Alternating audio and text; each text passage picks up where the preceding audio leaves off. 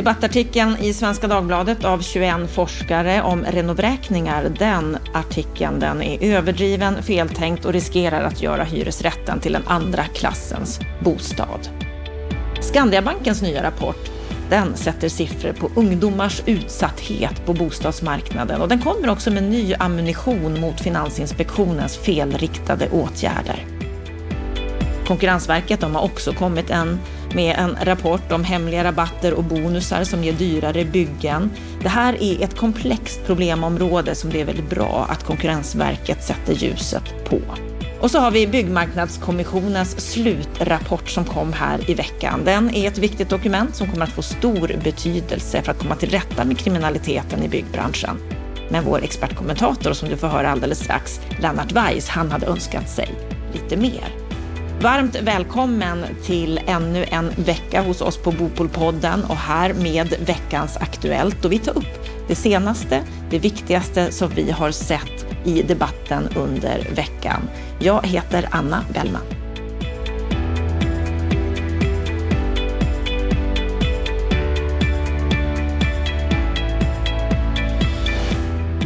Vi börjar veckans Aktuellt med en debattartikel i Svenska Dagbladet som heter “Renovräkningarna är en tickande bomb”. Det är 21 forskare som menar att hela beståndet av lägenheter med överkomliga hyror är på väg att renoveras bort.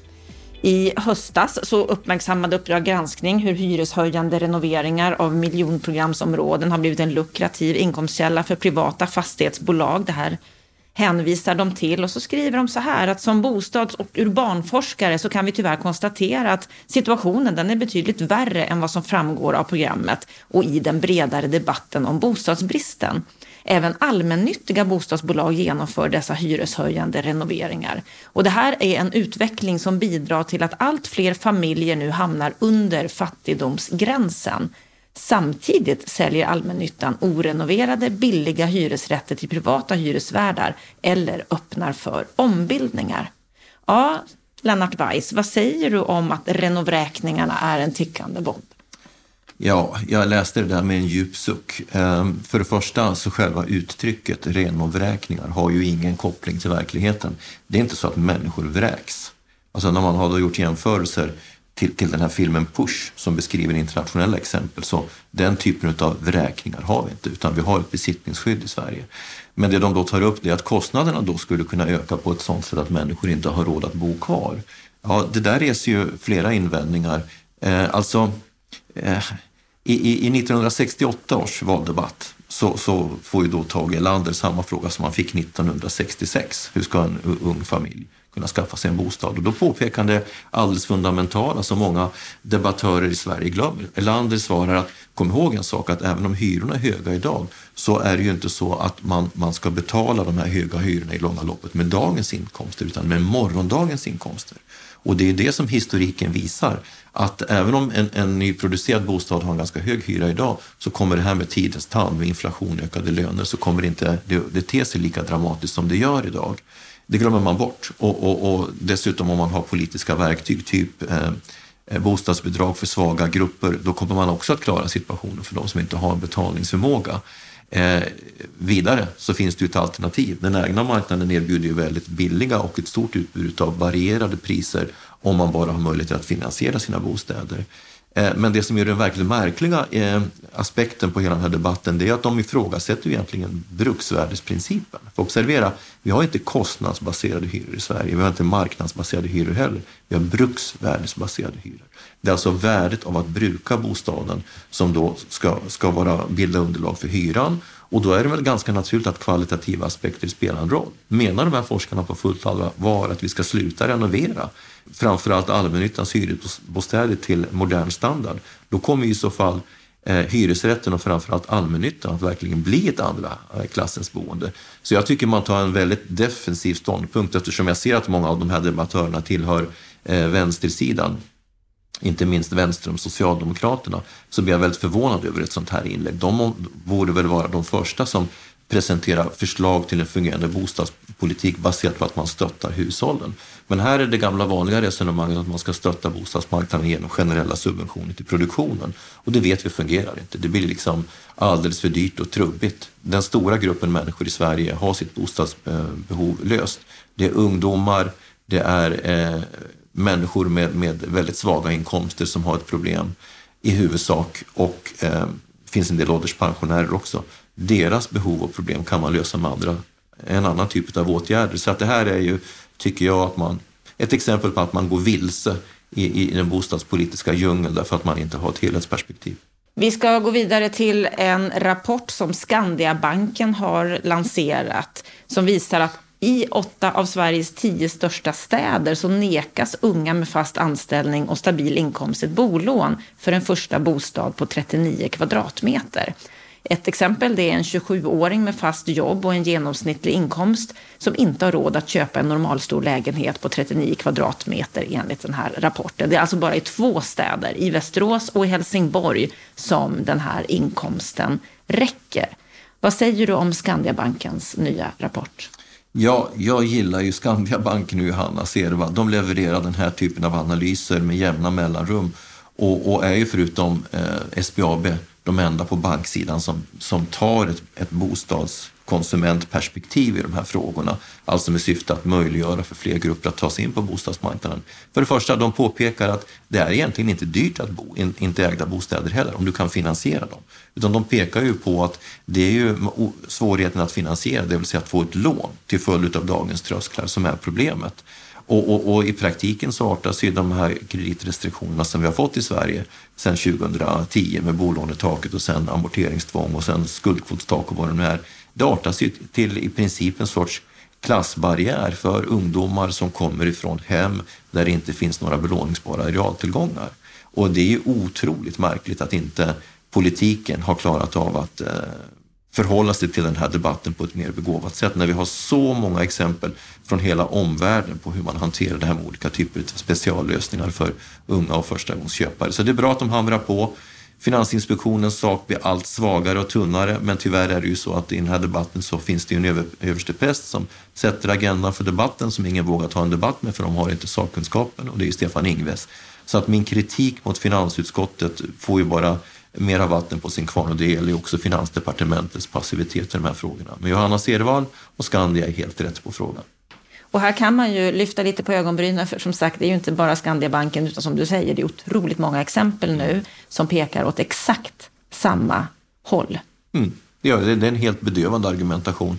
Eh, jag menar, jag, jag, bara i huvudet så kan jag liksom komma på att eh, Bofrämjandet, HSB, Riksbyggen, Veidekke, eh, SBAB, Skandia som vi har varit inne på, eh, VSP. Ja, det finns hur många som helst som har levererat rapporter som pekar på exakt samma sak. Och hittills har det inte skett särskilt mycket, men det finns ju ett litet ljus i mörkret och det är startlåneutredningen som jag har fått de här frågorna. Och tack vare eh, Miljöpartiet och Johan Löfstrand så kan man ju säga att så har ju de här frågorna fått ett bra direktiv. Det ska bli jättespännande att se den utredningen som kommer bara om några veckor. Men ännu mer spännande att se hur regeringen ska hantera det. För om de ska genomföra en, en, något typ av CSN-lån på den här marknaden för ungdomar, då måste man också Eh, nu våga ta en diskussion med myndigheterna och jag känner mig faktiskt inte helt övertygad om det. Jag är rädd för att eh, eh, Johan Danielsson och Max Elger inte kommer att komma överens och att det blir Finansdepartementet som, som håller i taktpinnen av rädsla för att liksom eh, bli uthängda för att vara eh, slarviga eh, med makroekonomiska frågor. Eh, så vi får se, det ska bli spännande att se. Vi ska gå vidare till en ny rapport från Konkurrensverket som säger att hemliga rabatter och bonusar ger dyrare byggen. Kraftigt ökande priser för byggmaterial, det är ett gammalt problem som har eskalerat under pandemin. Och Max Brimberg på Konkurrensverket som har granskat marknaden, han säger bland annat så här i byggindustrin, att vi är osäkra på om byggmaterialprisindex stämmer överens med den verkliga kostnadsutvecklingen. Vad säger du om den här nya rapporten om hemliga rabatter och bonusar som ger dyrare byggen? Ja, jag har ju varit med faktiskt och blivit intervjuad av Konkurrensverket om de här frågorna och det här är ett jätte, jättesvårt och komplicerat område. Man får sortera lite. Här adresserar ju han då byggmaterialproducenterna eh, och deras distributörer då, som i Sverige i huvudsak Ahlsells och Dahl. För det första så finns det ju eh, byggmaterial som de företagen, de här grossistföretagen inte omfattar. Om du tar stål och armeringsjärn och, och, och, och, och trävaror så köper vi ju sånt i stor utsträckning själva genom våra egna upphandlingsenheter, eh, instanser internt. Och då kan vi säga att det har varit en väldig rusning på de priserna också. Och det har ju varit kopplat till pandemin och de här brutna leverantörskedjorna. Det har helt enkelt varit svårt att få fram material eh, och det har varit en eftersläpning. Man drog ner på produktionen när pandemin bröt ut och sen blev det plötsligt en ketchup-effekt när alla skulle ha och då ökade priserna. Men de pekar ju på ett område som, som vi har väldigt lite debatt om just därför att det är svårt att tränga igenom. Och det gäller ju installationssidan. Då pratar vi alltså om eh, el, VVS, ventilation och sådana här saker. Va? Och där är det ett väldigt komplicerat system av rabatter och eh, i princip monopol från installationsföretagens sida. Jag, jag har ingen eh, fullständig inblick i det själv, men jag kan notera att när jag tittar på de stora grossisternas ekonomiska redovisning så verkar de gå med röda siffror ända till slutet på året. Då går de plötsligt med gröna siffror vilket innebär att du kickar in back, eh, alltså eh, kickbacks. Eh, och man kan också säga att om du som privatperson ska göra en upphandling av en, en, en, en, en badrumsrenovering eller vad det nu är, så gör ju många Eh, installatörer inte jobbet om de inte också får leverera materialet. Vad beror det här på? Jo, därför att vi prissätter faktorn arbete för lågt. Man är inte beredd att betala för arbete fullt ut i marknaden och då har man bakat in arbetskostnaden i materialet. Och vem som egentligen har ordning och reda på, på, på, på hur det här förhåller sig, det är väl de som sitter på installations och, och, och grossistsidan.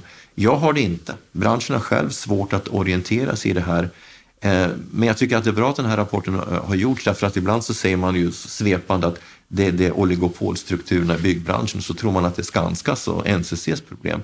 Nej, det här ligger i ett annat led av byggbranschen som vi har haft ganska lite debatt om. Så ur den synvinkeln så tycker jag att Konkurrensverkets utredning eh, kastar ljus över ett område som vi behöver ha mer diskussion om, även för byggbranschens egen skull. Mer komplicerat än vad det låter som? Ja, det här är jättekomplicerat. Jag jag har varit i branschen i 30 år, jag vet inte hur många gånger vi har diskuterat det här och eh, om jag pratar med våra experter internt, de på inköpssidan, så har de svårt att reda ut det här också kan jag säga. Bra av Konkurrensverket med andra ord. Mm. Vi ska gå vidare till en ny utredning om bostadsbidragen som vi tog upp i förra veckans Veckans Aktuellt här i Bopolpodden. Och nu har det kommit en replik till DN av Oliver Rosengren som är kommunalråd i Växjö. Han kritiserar den här nya utredningen och föreslår istället slopade bostadsbidrag då de leder till minskade jobbincitament. Då kan man ju säga att bostadsbidragen är ju en del av bostadspolitiken och många menar att det har en mycket viktig utjämnande effekt. Vad, vad säger du om den här repliken, Lennart? Det här är ett dolt sätt att säga att invandrarfamiljer med många barn drar nytta av flerbarnstillägget och därmed eh, få stora inkomster som gör att de inte jobbar. Det, det här ligger liksom i, i träskmarkerna utav SDs argumentation som jag tycker är mycket dubiös. Eh, om man har problem med invandring då får man väl diskutera det från ett invandrarpolitiskt perspektiv. Men om människorna är här så måste de väl ändå överleva, eller? Alltså eh, alla politiska partier, även hans eget, är för att bostadsbidraget eh, ska spela en viktig bostadssocial roll. Det här är en av de få gångerna jag har hört någon säga att det är bra att vi har dåliga bostadsbidrag. Skulle man göra politik av det här så skulle massor med familjer hamna på gatan och hemlöshetsproblematiken skulle explodera. Så att jag skulle nog säga att en god Oliver skulle behöva gå hem och göra en konsekvensanalys av frågan. Det är mycket som talar för att bostadsbidraget är en av de mest träffsäkra verktygen vi har rent fördelningspolitiskt. Och eh, både när det gäller barnfamiljer, fattigpensionärer och ungdomar så är det väldigt starka argument för att stärka bostadsbidraget och inte göra tvärtom. Så här är han riktigt ute och cyklar. Och det vi kan förtydliga här det är att Oliver Rosengren tillhör Moderaterna. Är det här en typisk moderat hållning? Nej, det är det inte. Han är inte representativ för Moderaterna heller så att det, finns ingen anledning att eh, att växla upp det här till en moderat politisk problematik utan han, han argumenterar från en lokalpolitiskt perspektiv och har uppenbarligen inte särskilt mycket bostadspolitisk kunskap. Men som jag sa, jag tror att han försöker skära piper i vassen i en annan debatt som har, handlar om att Moderaterna vill liksom, eh, ta vind ur SDs politiska framgångar. Känns desperat, ogenomtänkt och, och eh, i sak helt fel. Vi ska avsluta vårt program idag med en av de kanske största nyheterna den här veckan. Och det är att Byggmarknadskommissionen har kommit med sin slutrapport för att få bukt med kriminaliteten och ohederligheten inom byggbranschen. Något som man bedömer bara har fördubblats det senaste decenniet. Deras slutrapport heter Från svart till vitt, vänd den osunda utvecklingen i byggbranschen. Och de pekar på fem stora områden, 22 förslag som skulle behövas för att komma till rätta med det här. Vad säger du om den här slutrapporten, Lennart? Ja, jag är ju väldigt glad över den här slutrapporten. Jag hade kanske lagt till 7-8 förslag till, men de 22 som man har levererat är bra. Och jag skulle säga att den stora, det finns tre stora förtjänster med den här rapporten. För det första så är det att det är en kunskapskatalog. För så den som vill sätta sig in i den här frågan och famna helheten i en ganska komplex fråga har ett utmärkt dokument. Eh, redan där så kommer, kommer rapporten att spela en väldigt stor, fylla en väldigt stor roll för debatten framåt. För det andra, det finns en nulägesanalys utav tillståndet, framförallt när det gäller de östeuropeiska leverantörerna som är extremt värdefull. Här har det funnits en strutsmentalitet ganska länge vad gäller problemets omfattning. Nu har vi liksom svart på vitt genom den, den mycket breda nulägesanalys som man har gjort att det här problemet gäller eh, merparten. De säger 82 procent av, av, alla företag har alldeles för stora avvikelser för att det ska kunna vara möjligt. Man säger att det är ingen skillnad på företag som har kollektivavtal eller inte och stora eller små företag.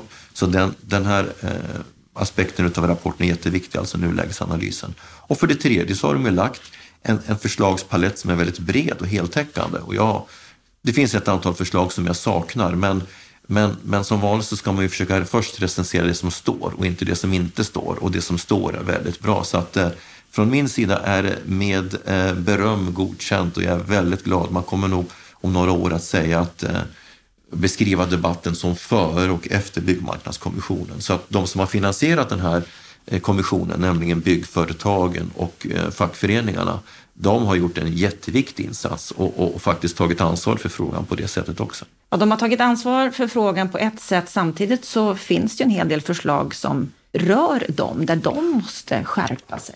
Hur tror du de kommer hantera det? Nej, men jag tror de kommer hantera det bra. Jag är ju själv eh, ganska hård i min kritik mot både Byggnads och byggföretagen som jag tycker har suttit på händerna alldeles för länge. Men det är inte så att de, de eh, jag menar blott det faktum att man har tillsatt kommissionen visade ju att man var ju beredd att ta in intryck eh, och kanske även obekväma budskap. Så jag tror inte att de kommer att sitta och sura över de eh, pekpinnar som de har fått av kommissionen. Utan jag tror man kommer ta, den mognaden finns idag, att man kommer ta den till sig och sätta sig ner och värdera förslag. Och så kommer det bidra till deras egen inre process.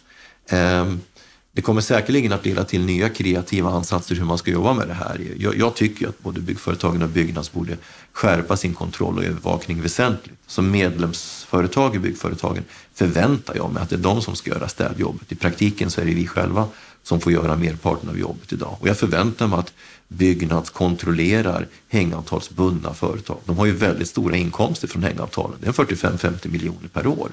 Och de har inte alls en kontrollverksamhet som står i paritet med de intäkterna.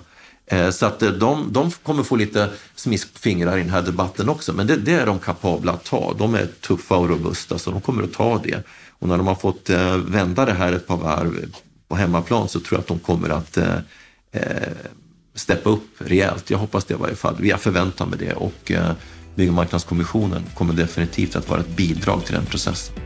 Det är en rejäl rapport som Byggmarknadskommissionen har lämnat, en 150-160 sidor tror jag, tryckt bok. Och är det så att du vill förkovra dig i den här, veta vad det är för förslag som de har lagt, ja, lyssna då på Bopolpodden på måndag. För då kommer jag med Lennart Weiss och Byggmarknadskommissionens ordförande Stefan Attefall, som ju också är expertkommentator här i Bopolpodden. Då kommer vi ha ett samtal om den här rapporten. Så då på 40 minuter kommer du att få en riktigt bra inblick i vilka förslag som läggs. Det finns inte ett förslag, det finns inte en part, ett organ som ska lösa problemen.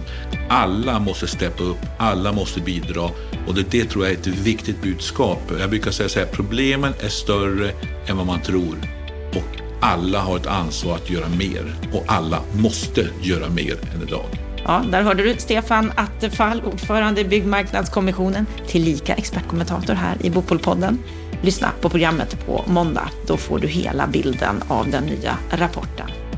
Med detta så önskar vi dig en riktigt trevlig helg och med en liten passus, gå gärna in på bostadspolitik.se och läs mer.